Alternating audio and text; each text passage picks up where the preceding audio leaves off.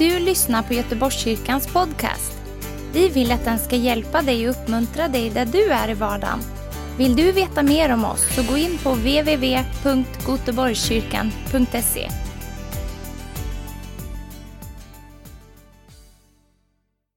Fader, vi bara tackar dig och prisar dig för din nåd.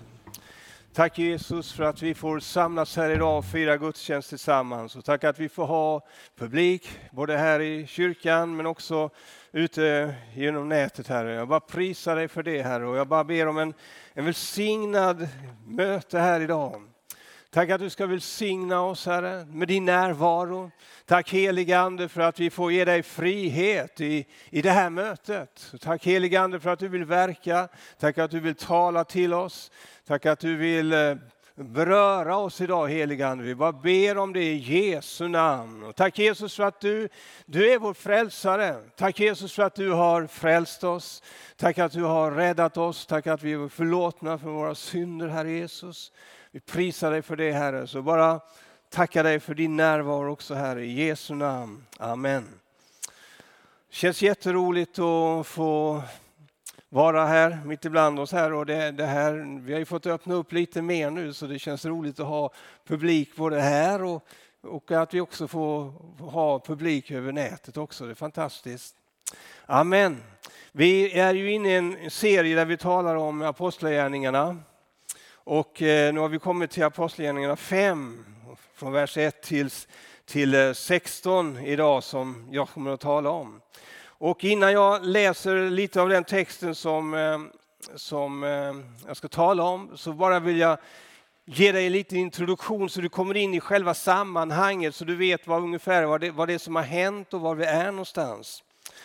Eh, om vi går tillbaka på pingstdagen då, apostlagärningarna, så när den heliga ande föll över lärjungarna så, så, så, så, det var ju enormt det som hände den dagen alltså.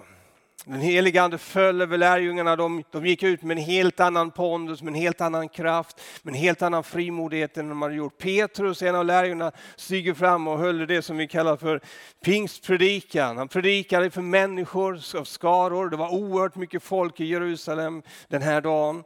Eh, och han predikade evangeliet om Jesus eh, uppfylld av den heliga Ande med en helt annan frimodighet och ett helt annat genomslag än de någonsin hade upplevt förut. Eh, och den dagen så tar 3000 människor emot Jesus Kristus och blir frälsta. De blir uppfyllda av den heliga Ande, de blir döpta i vatten. 3000 människor bara på en dag. Så, här. så det var liksom en enorm kraft i, i, i, i, i rörelse i den här tiden. Och eh, så fortsatte det. det var, en oerhört kraftfull liksom, situation som man hade. Det var här som Guds församling startades på jorden. Och den gjorde det liksom med, med, med, med en väldig rörelse. De här första dagen var det 3000 som blev frälsta. Det var bara, sen stod det bara ett litet tid så var det 5000 människor som hade kopplat till Guds församling plus kvinnor och, och, och barn. Så det var en enorm skara som, som på mycket, mycket kort tid hade kopplats till Guds församling. Och eh, det var ju så här att det var ju människor som tog emot Jesus i Jerusalem, men det är också människor som tog emot Jesus utanför, eh, som kom utanför trakterna runt omkring Jerusalem, som också tog emot Jesus Kristus och blev frälsta.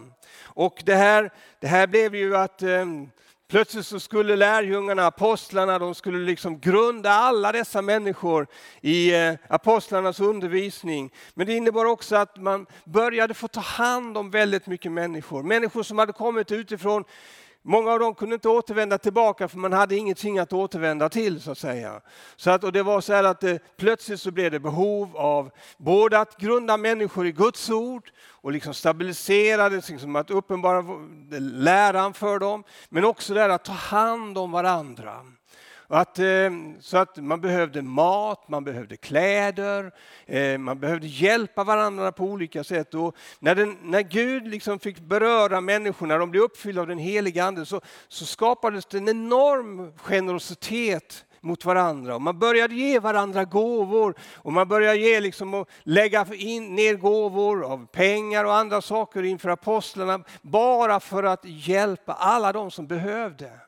Och det var fantastiskt att, att man hade en sån generositet och det var en sån enorm skara med människor. För man räknade med att bara efter en kort tid så, så var församlingen uppe i 20 000 medlemmar. Så att det gick enormt snabbt och så skulle man hjälpa alla de här. Och, eh, med mat och kläder och allting där man behövde det. Och det står att ingen saknade någonting. Liksom att man stöttade varandra på ett sånt fantastiskt sätt så ingen saknade någonting. Utan man, det var en enorm nåd över församlingen. Och vi läser om att en stor nåd vilade över församlingen. Eh, vi läser också att eh, det var en stor kraft över församlingen och över apostlarna. Och eh, det var en stor nåd över dem alla läser vi. Eh, det här hjälpt, uppskattades ju inte av alla människor i Jerusalem. Utan eh, på samma sätt som Guds rike började växa, Guds församling började växa, så fanns ett annat rike också. Och det var Satans rike. Och det innebär att det fanns ett motstånd hela tiden mot att Guds församling började växa. Så att det dröjde inte länge förrän en, eh, Petrus och Johannes, man tog in dem, eh, fängslade dem och eh, man fick eh, eh man förde dem inför Stora rådet och man försökte liksom att få dem att tysta dem, men det gick inte. Utan de fortsatte bara och eh, predika evangelium. Det gick inte att stoppa Guds rike, det gick inte att stoppa Guds församling trots att man gjorde ett yttre försök att eh, försöka stoppa dem. Utan eh, den heliga ande går inte att stoppa min vän. Det gör han inte. Och det är det här sammanhanget vi kommer in nu i texten som jag ska, som jag ska läsa för er. Då har du Apostlagärningarna 5 och vi läser de första tio verserna. Då står det så här att Men en man som hette Ananias sålde med sin hustru Safira en egendom och smusslade sedan undan en del av betalningen med hustruns vetskap. Han bar fram resten och lade det vid apostlarnas fötter och då sa Petrus Ananias, pengarna för marken, var det inte din så länge du hade den? Och när den var såld var det inte, eh, var det inte pengarna dina? Varför bestämde du dig i ditt hjärta för detta? Du har inte ljugit för människor utan för eh, Gud. Och när Ananias hörde de orden så föll han ner och dog. Och stor fruktan kommer över alla som hörde detta. De yngre männen kom och svepte honom och bar bort honom och begravde honom. Egentligen så var det liksom inte något konstigt på ett sätt med detta att man bar bort honom på en gång utan eh, i Israel på den tiden, judarna, så, så gjorde man det väldigt snabbt. Så på det sättet så var det ingenting speciellt konstigt i detta utan man gjorde det omedelbart. Omkring tre timmar senare så kom hans hustru in utan att veta vad som hade hänt och så Petrus frågade henne, säg mig, sålde ni marken för det beloppet? Och hon svarade, ja för det beloppet. Då sade Petrus till henne, varför kom ni överens om att fresta Herrens ande? Se, det som har begravt står, eh, se det som har begravt eh, Ananias står, står vid dörren och de ska bära bort dig också. Och plötsligt så föll hon död ner vid hans fötter. Och när de unga männen kom in eh, fann de henne död och de bar bort och begravde henne bredvid hennes man. Ja, det här var ju en häftig text, eller hur? och så har jag fått den att predika om. Men med Guds nåd ska det gå bra. Amen. Vad säger man egentligen om detta? Det här är liksom ingen drömpress som eh, eh, text som predikanter vill predika om i första hand. Vad säger man om det? Det var ju inte första gången som människor hade kommit och lagt fram gåvor inför apostlarna, utan det hade ju hänt förut. Som jag sa, man hade en enorm generositet. Och vi läser i kapitlet innan om Barnabas som, som kom och la, han hade också sålt en markbit och la ner då pengarna för, för, för, för som han har fått som, som en gåva till församlingen. Och det, det, det, var till en enorm välsignelse. Han gav ju för att de behövande skulle få. Och det liksom var ingen stor grej med det, utan det, amen, Gud välsignar och Gud välsignar både den som ger och Gud välsignar de som tar emot. Så det, det var liksom inget ovanligt det här, utan det fanns en sån generositet. Eh, så utåt sett så Ananias och Safira gjorde egentligen samma sak som Barnabas. Men vad var skillnaden då? På, vad var det som var grejen med det här? Varför blev det liksom en sån här situation av just detta? Och den frågan måste vi så eh, läsa eh, eller tala om lite grann här. Eh, Det fanns ett problem här som inte fanns när Barnabas han gav den gåvan som han gjorde i Apostlagärningarna 4. Det fanns ett problem här, det, det som fanns Liksom det som fanns på utsidan stämde inte överens med det som fanns på insidan. Det är det som är lite av problemet här. Den här frågan, när vi tittar på det här, handlar egentligen inte om pengar. Det handlar inte om hur mycket pengar man ger eller hur lite pengar han ger. För att vi, vi, vi läste ju här att, att Barna, eller Ananias och Safira de var fullt fria att göra vad man ville med det som var deras. Man kunde ge allt, det var helt okej. Okay. Man kunde ge en del av pengarna, det var också helt okej. Okay. Man hade kunnat sagt att ja, vi har sålt en åker och nu ger vi 50 procent till församlingen och så behåller vi 50 procent själv. Det är helt okej. Okay. Så liksom det var inte pengarna, det var inte det som är själva frågan i det här. Och man hade kunnat låta bli att ge också och behållit hela förtjänsten själv från marken som man hade sålt. Så att det var inte det som var grejen. Eh, men det står i vers 2 så här att och smusslade sedan undan en del av betalningen. Alltså man gömde en del till sig själv med hustruns vetskap. Han bar fram resten och lade det inför apostlarnas fötter och gav sken av att man gav allt och inte det som egentligen var. Han sa att han hade sålt egendomen för att skänka pengarna till församlingen. Eh, så att de kunde hjälpa de behövande. Han var fri att göra som han ville. Det fanns ingen som skulle sagt någonting. Han var fri att ta en del av förtjänsten som jag sa innan. Och så problemet var inte det här hur mycket han, han gjorde. Utan problemet min vän, det var att det här är hyckleri. Det var det som var problemet. Hyckleri, vad är det för någonting? En hycklare, det är en som spelar en roll. En aktör. En, en, en, som spelar en roll är en som sätter på fram, man kan säga att det är också en som bär en mask på sig. En mask som liksom är framför ansiktet som ger sken av att man är någonting annat än man är bakom masken. Det är att vara en hycklare. Så problemet i den här situationen med Ananias och Safira, det var att synden, hyckleri, ger sig uttryck. Det var det som var problemet i den här texten Eh, och i den här situationen. Den rollen Ananias spelade var att han och hans hustru ville framstå som bättre än det man egentligen var ville framstå som mer generös än det man egentligen var här innerst inne i ens hjärta. Ville framstå som godare än man var här innerst inne eh, i, i sitt hjärta. Inför församlingen, hela Guds församling och inför apostlarna. Det var det min vän som är, det här, som är huvudproblemet i den här texten. Eh, när man gör så här så gör man det oavsett vem det är så, så, så, så handlar det om att man vill vinna poäng. Man vill vinna ställning, man vill vinna en position, man vill, man vill framstå i bättre dagar än man är inför andra människor. Man vill liksom hamna högre än man egentligen förtjänar. Och troligtvis så var man också inne på det här att, att det var ju en sån framgång i församlingen. Det var ju sån mäktig kraft runt apostlarna och lärjungarna. Det var ju liksom, människor blir frälsta. Det bara dag efter dag så välde det in nya människor och tog emot Jesus.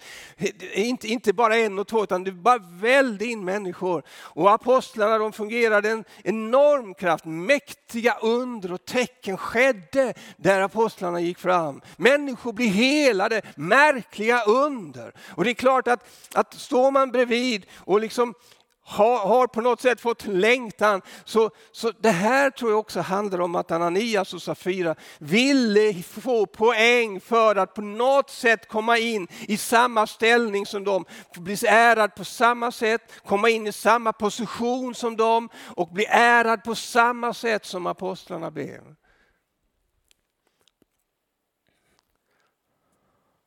Och då använder man sig av hyckleriets synd för att nå dit fram. Man ljuger. Man spelar en roll. Vad gör aktörer? Vad gör skådespelare?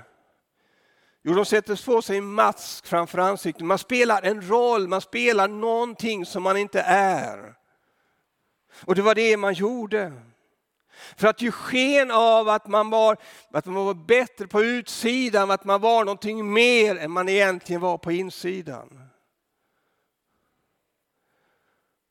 Vet du, Jesus, när han vandrade på jorden, han var oerhört tuff mot hycklarna. Vilka var hycklarna? Du kan läsa om det här i, i evangelierna, du kan läsa om det i Lukas 12, du kan läsa om det i Matteus 23, hela kapitlet. Jesus han var oerhört tuff mot fariseerna och de skriftlärda. Och fariseerna och de skriftlärda, de var hycklare.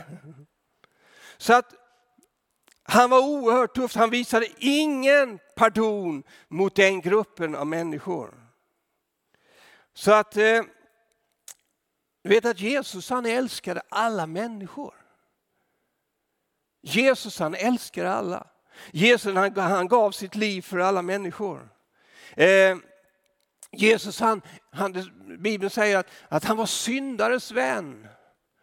Och syndarna drog sig till Jesus och mötte honom och berördes av honom och blev förvandlade. Och fick uppleva syndernas förlåtelse. Jesus han, han var kärleken själv. Han älskade alla. Och min vän, det var just därför som han var så tuff emot fariseerna och de skriftlärda. Och han varnar för dem, han säger i Lukas 12 och 1 så här att, att akta er för fariseernas surdeg. Hyckleriet säger han, akta er för dem. Och han säger också i Matteus 23 och 13 så här att ni stänger himmelriket för människorna. Själva kommer ni inte in dit.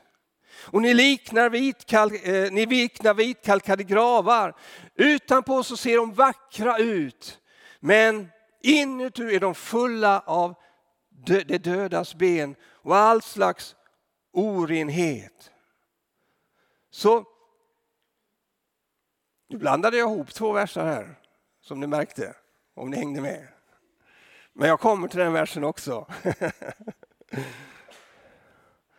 Så han varnar för dem. Att de ser ut på ett visst sätt på utsidan med är liksom, och liksom vill framstå som liv, glädje, kärlek och kraft på utsidan. Men det är död på insidan.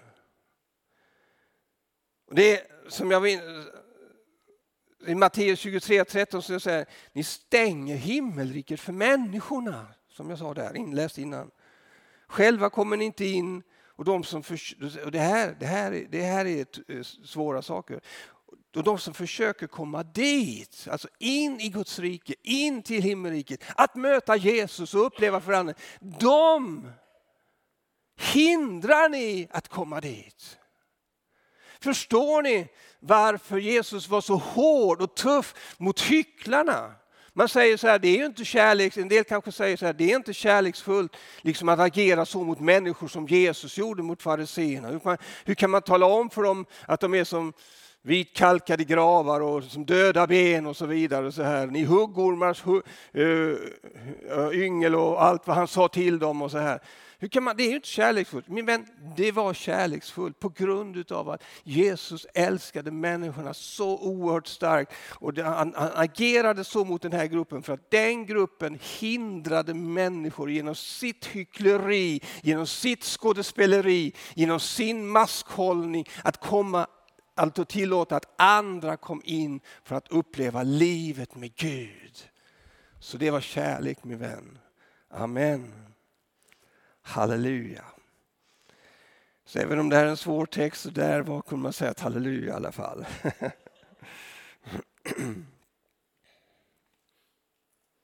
nu, nu har ju Guds församling, Jesu församling startat på jorden på pingstdagen. Den är som i sin, i sin linda.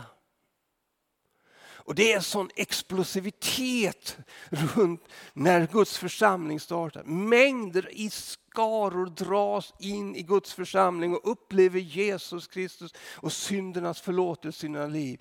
Det är en sån oerhört expansiv tid i Guds församling. Helt liksom outstanding på något sätt. Det är fantastiskt det som händer.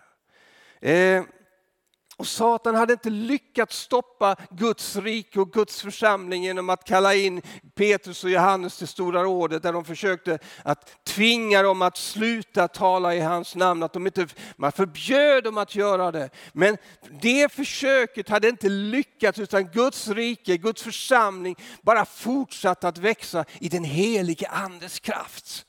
Amen. Min vän, den helige ande går inte att stoppa. Utan det bara fortsatt, fortsatte med en väldig kraft hela tiden. Eh, men nu, nu gör Satan ett nytt försök att stoppa Guds församling. Men den här gången så agerar han inte utifrån, utanför Guds församling med krafter utanför, utan den här gången så infiltrerar han, gör han ett försök att infiltrera församlingen inifrån. Genom Ananias och Safira. På något sätt någonstans på vägen hade, hade Satan liksom fått liksom en påverkan i deras liv. Och exakt vad det handlar om det vet jag inte riktigt. Det kan ha varit en svaghet i karaktär, ja jag vet inte. Men någonting har gjort det här så att de kommer dit än. Så att nu här kommer en, en ny attack i Guds, för att hindra Guds församling att växa fram. Eh, men Gud är förberedd. Den helige ande är förberedd på det här. Och genom andens inspiration och kraft så, så upplever Petrus upplever hur den heliga ande leder honom. När de kommer in här och ska lämna, när Ananias kommer in och ska lämna gåvan, då kan man tänka sig, då skulle de flesta av oss säga wow, liksom, fantastiskt, vilken enorm gåva. Och många, många av oss hade kanske sett mellan fingrarna lite grann. Men Petrus, han konfronterade på en enda gång Ananias på en enda gång. Vers 3. Ananias, varför har Satan fyllt ditt hjärta så att du ljög för den heliga ande och smusslade undan en del av pengarna för marken? Var det inte din så länge du hade den? Och när den var såld var det inte pengarna dina. Varför bestämde du ditt hjärta? Du har inte ljugit för människor utan för Gud. Men det, det, som, det som händer här, det är att här visar den heliga ande sitt omedelbara beskydd mot eller för Guds församling. Här ser vi Guds omedelbara beskydd mot församlingen. Vad, det, vad, vad hade hänt om Ananias och Safira hade lyckats? Att infiltrera hyckleriets synd i Guds församling och som troligtvis hade nått ända in i ledarskapet. Vad hade hänt? Ja, det hade sabbat församlingen. Tillväxten hade avtagit och på grund av detta så det hade varit oerhörda konsekvenser om detta hade fått rum i Guds församling. Men Gud konfronterade direkt, helt på en enda gång. Och man kan tycka att det var hårt kanske sagt av Petrus att konfrontera så snabbt. Men Gud ledde det så, det var för att det finns ett beskydd genom den helige Ande också i Guds församling emot sådana här saker. Så när Ananias han hörde detta, vers 5, så föll han ner och så dog han. Och sedan hände ju samma sak med Safira, vers 10, och plötsligt så föll hon också ner och dog. Det används en medicinsk term med de här ordet att andas ut och dö, alltså själen lämnar människan, att ge upp andan. Det var inte Petrus agerande som ledde till döden för Ananias och Safira. Eh, utan det Petrus gjorde det var att han, explo, explo, eh, att han eh, exponerade och avslöjade synden, hyckleri. Det var det han gjorde. Utan det var Guds ingripande och dom över deras liv i denna situationen som gjorde att de föll ner och dog. Du vet, hycklare, varför gjorde han det just vid det här tillfället? Jag tror att, tillfället, jag tror att det var för att församlingen var i sin linda. Sen finns det ju hycklare överallt i alla läger. Så är det ju. Alla hycklare avslöjas inte. Ibland är det jättesvårt att avslöja hycklare. En del hycklar ända till de dör och det är ingen som märker det, höll jag på att säga. Men jag tror att det var viktigt i församlingens linda att eh, att exponera synden. Så att eh, det här skedde ju offentligt. Och det som hade hänt det spred sig i hela församlingen, även utanför församlingen. står i vers 11, stor fruktan kom över hela församlingen, över alla andra som hörde det. Och man blev oerhört medvetna, obehagligt medvetna om vad allvarlig synden är. Och man blir också oerhört medveten om liksom, vilken helig Gud vi har.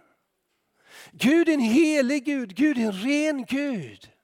Och det är klart att du kan inte, du kan inte liksom parera ihop renhet mot oren eller mörker med ljus. Och, och människor upplevde detta, det skapades både, det är inte så konstigt att människor blir rädda.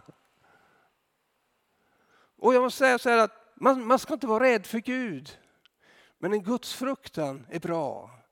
Det innebär inte att man är rädd för Gud, men det innebär att man har en respekt för vem Gud är. Att han är helig, att han är ren, att jag inte kan klampa hur som helst när jag har med Gud att göra. Så att man blir oerhört medveten om, om synden. Amen. Synden leder till döden, så det läser vi om i Bibeln också. Men det är inte fel att frukta Gud. Det är inte fel att ha en rätt respekt för honom och det skapades också genom den här situationen. Amen. Men du ska se också det här som ett beskydd för Guds församling. Att Gud älskar sin församling, att Gud vårdar om sina barn, att Gud beskyddar oss. Han beskyddar oss också från hyckleri och så vidare. Eh, så att domen över det onda ledde till någonting gott i detta, denna situationen. Den attacken, den sataniska attacken mot Guds församlingen som skulle komma inifrån, den stoppades och det gjorde att den helige ande segrade och kunde fortsätta sitt verk. Och det gjorde det. Guds rike växte vidare på ett fantastiskt sätt. Och det står i vers 12 och vers 14 att genom apostlarnas eh, händer så skedde många tecken och under bland folket. Står det. Och det står i vers 14 och ännu fler kom till tro på Herren och stora skaror av män och kvinnor. De kom till tro på Jesus så Guds rike fortsatte. Amen.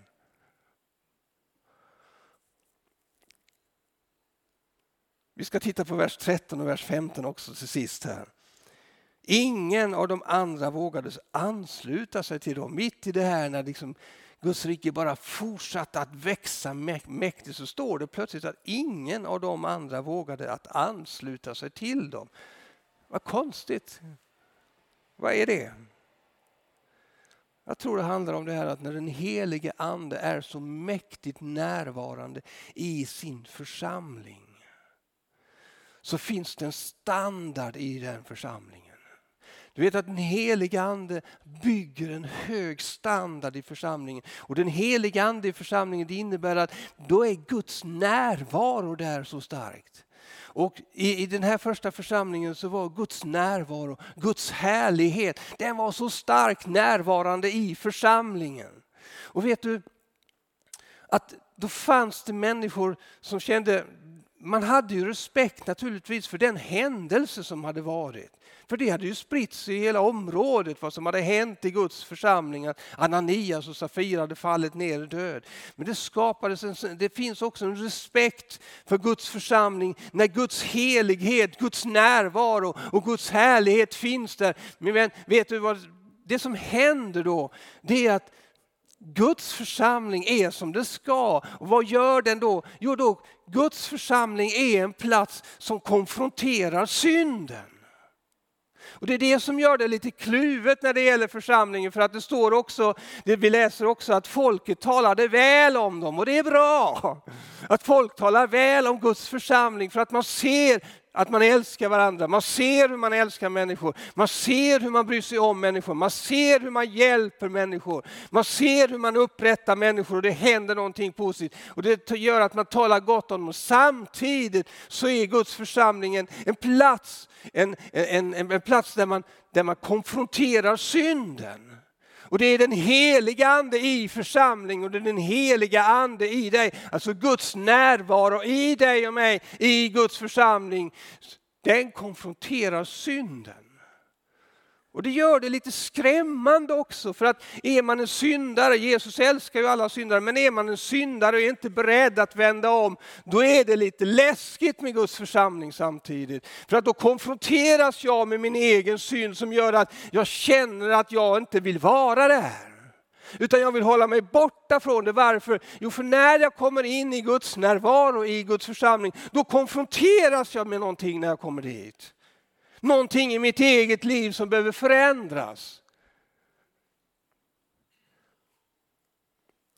Och så bar man ut, till och med, så bar man ut sjuka på gatorna. Man lade dem på bäddar och bårar för att åtminstone Petrus skugga skulle falla på någon av dem som gick förbi. Fantastiskt. Under och tecken hände. Men helandet här, det låg inte i, i Petrus skugga. Jesus, helandet ligger i Jesus, i tro på Jesus Kristus. Vad han har gjort på Golgata kort. Det är i Jesu namn som vi kan lägga händerna på de sjuka och be. Men som jag talade om innan, att den heliga Ande är så mäktigt närvarande i en person. En person som är ledd av den heliga Ande, smord av den heliga Ande. Eh, och är med och tjänar Jesus i, den helige Andes kraft så finns det liksom ett kraftfält runt den personen. Eller runt den församlingen som lever i den helige Andes kraft. Där den helige Ande har fått bygga en hög standard av Guds närvaro, härlighet och helighet i församlingen och enskilda människors liv. Och här när Petrus han, han var uppfylld av den helige Ande och det fanns ett kraftfält runt honom. Så när han gick på gatorna så var det på det sättet också att det fanns ett kraftfält när hans skugga kom över människorna. Det var inte skuggan som helade, utan det var helade människorna. Det var den heliga Andes närvaro och kraft i Petrus liv som gjorde att människor helade där de gick fram. Och ibland så lägger vi händerna på människor och de blir helade. Amen. Men ibland så kan vi be en bön människa på andra sidan jordklotet och be i Jesu namn och den människan blir helad. Och ibland så går det till på olika sätt. Och det här hände också på ett mäktigt sätt. Och det jag vill bara avsluta med den här stunden. Den heliga Ande vill komma med sin närvaro i dig och mig. Den heliga Ande vill bygga en hög standard i ditt och mitt liv. Amen. Den heliga Ande vill verka igenom dig och mig. Han vill att vi ska få gå i hans kraft. Det står att när ni, I Apostlagärningarna 1 och 8 så står det att ni ska få kraft av den, när den helige ande kommer över er. Och så ska ni bli mina vittnen i Jerusalem och i Judeen och så vidare. När den helige ande kommer över er, så min vän, min bön idag, det är inte att du bara ska fokusera på denna händelse, du ska se att det var den heliga Ande som gjorde skillnaden i den första församlingens tid. Och det är den heliga Ande som gör skillnad i ditt och mitt liv idag. Det är den heliga Ande som gör skillnaden i Guds församling idag. Om Guds närvaro finns där eller inte. Det är den heliga Ande som gör skillnaden om vi kan beröra människor och nå människor idag. Det gör vi inte i vår egen kraft utan vi gör det i den heliga Andes kraft. Så bara släpp in den heliga Ande. Bara släpp in honom, ta emot honom, låt dig bli uppfyllas av den heliga Ande i ditt liv min vän. Fader, jag bara tackar dig för att du är här just nu mitt ibland oss. Tack Jesus för att du är här med din välsignelse. Tack för att du är här med din närvaro. Tack för att heligande att du är här. För att du vill beröra våra hjärtan idag. Halleluja. Tack heligande att du också hos de som lyssnar nu genom nätet också, kanske sitter hemma vid sin dator eller tv-apparat. Och jag bara tackar dig helige Ande att om det är någon som ber en bön och bara ropar på dig nu så bara tackar dig för att du är där och du kopplar ihop just nu i Jesu namn. Halleluja, tack att du uppfyller oss med kraft. Tack att du uppfyller oss med allt det vi behöver. Tack att du är vår hjälpare här. I Jesu namn så ber vi dig. Amen. Tack för att du har lyssnat. Dela gärna podden med dina vänner och glöm inte prenumerera. Om du har frågor eller vill att vi ska be för något så mejla oss på info På söndagar har vi veckans höjdpunkt. Då firar vi gudstjänst tillsammans och det vore så kul att träffa dig där. Men vi har även samlingar för barn då? Gå in på vår hemsida goteborgskyrkan.se så får du veta mer. Välkommen till oss!